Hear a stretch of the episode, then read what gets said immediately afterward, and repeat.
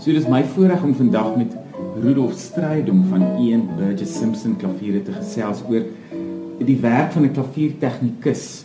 Baie welkom en vertel vir my hoe dit ge gebeur dat jy nou 'n klaviertegnikus geword het. Wel, dankie Shaul. Ehm um, ek het ehm um, baie klavier gespeel en ek het 'n klavier gehad wat nie te goed geklink het nie, so ek het gewonder of ek homself kan stem. En toe kontak ek 'n maatskappy in die Kaap en vra of hulle sal omgee om iemand aan te neem om 'n ehm um, apprenticeship te doen. Ja, so appie soos mense altyd ja. sê, ja.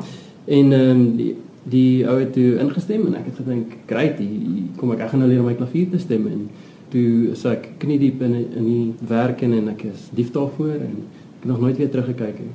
My eerste vraag waarna ek vandag wil kyk met klaviere is dikwels kom mense in die situasie waar hulle 'n klavier erf by iemand. Dis dalk 'n regop klavier, dis dalk 'n vleuelklavier, maar dan is jou eerste vraag: "O my genade, wil ek hierdie ding hê? Is dit nog iets werd?" Wat is die mees basiese manier waarop iemand kyk na 'n klavier en miskien in 5 minute se tyd kan vasstel: "O, jy's hierdie ding is niks werd nie" of "Ja, hier's nog baie waarde in hierdie instrument."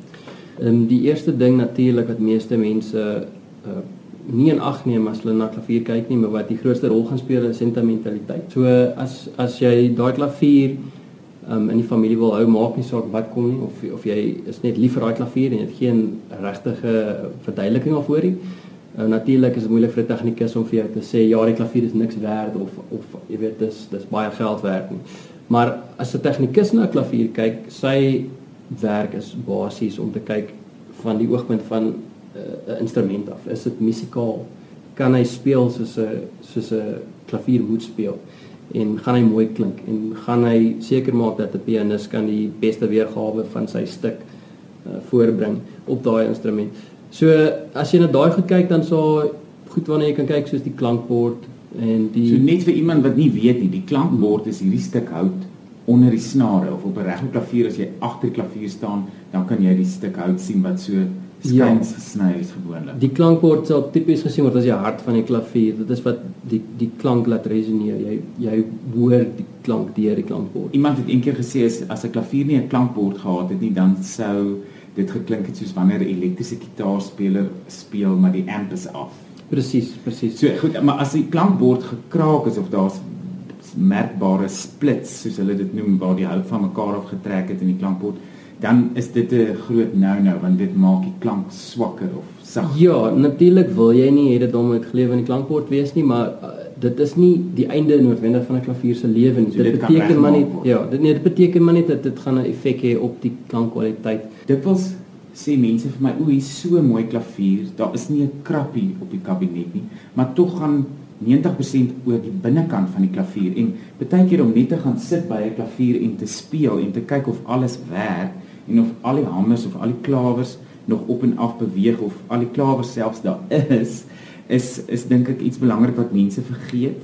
En, en nog iets wat belangrik is is baie keer die ouderdom van 'n klavier. As iemand vir jou sê, "Jong, hier's 'n klavier wat 5 jaar oud is," versus 'n klavier wat 50 jaar oud is, dan maak dit tog 'n groot verskil. Nee, absoluut.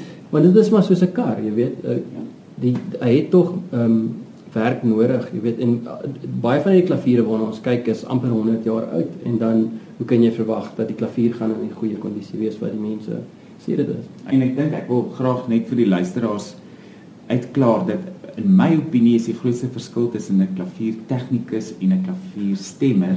'n Tegnikus is iemand wat regtig met die binnekant en die buitekant bemoeienis het omdat hy of sy kan sien wat hierdie klein verstellings moet wees en kan hoor en kan voel. En en waar klavierstemmer dikwels net spesialiseer in die stem wat obviously die, baie baie belangrike deel van die klavier is en waarby ons in die volgende insetsel kom. Oor die jare het het mense hulle klavier laat stem deur die stemmer wat weet gelowig elke jaar gekom het en hom gestem het en hy het jou geld gevat en hy het geloop en hy het gesê dankie en hy het vir jou gesê jou klavier is in 'n goeie toestand. En dit het vir, vir soveel jare nou al gebeur dat nou nou wat ons eintlik probeer om mense se oë bietjie oop te maak wat aangaan in die klavier en om hulle te kry om um, die werk te doen wat regtig saak maak. Dit is moeilik om hulle opinies te verander want hulle is al soos vir soveel jare vertel hy klavier is in 'n goeie toestand en nou iewes skielik kom iemand en sê ek jammer maar jy moet eintlik 'n bietjie laat werk aan hierdie ouetjie. Natuurlik, dis soos 'n kar wat bly ry en jy gooi net nog petrol in en laat pomp die bande, maar jy laat nooit na die enjin van die kar kyk nie wat ek dink belangrik is. Presies, presies. Dankie Rudolf. So in elke episode van hierdie gesprek oor klaviere en die binnekant van 'n klavier en klavierstemmers en en hoe mens kyk na 'n klavier, het ek gedink dit sou interessant wees om vir die luisteraars 'n mite op te los. Jy weet daar's al hierdie ou vrou stories wat baie keer rondom klaviere heers en al vir jare daar hang in die lug en ek wil uitfigure is dit die waarheid of is dit nie. En die eerste daarvan wat ek graag wil vra is is dit die waarheid dat as 'n mens jou klavier laat stem het, dan moet jy dit nooit laat skuif nie want sodra jy 'n klavier skuif, gaan hy uitstem. Gewoonlik is daar nie 'n probleem om 'n klavier te skuif nie, solank as wat jy dit nie op 'n ossewa doen oor 3 maande van Johannesburg na die Kaap laat skuif nie. Goed. Ehm um, en solank as wat jy nie die klavier skuif na 'n plek wat 'n vreeslike ander klimaat het of na 'n ander kamer in die huis byvoorbeeld waar die klimaat vreeslik verskillend is van waar dit was voor. En die rede vir dit is omdat so 'n groot deel van die klavier is uit hout gemaak en hout swel en krimp as temperatuur en humiditeit verskil en ek dink dit is wat die grootste verskil maak. So om om die klavier te skuif is okay. Dit is as jy dit skuif aan hierdie kant na daai kant van die kamer, dis okay, solank as wat jy hom nie skuif na 'n plek waar dit 'n regtig 'n ander klimaat vir die klavier is nie, want hulle is baie sensitiewe klimaat. Baie dankie.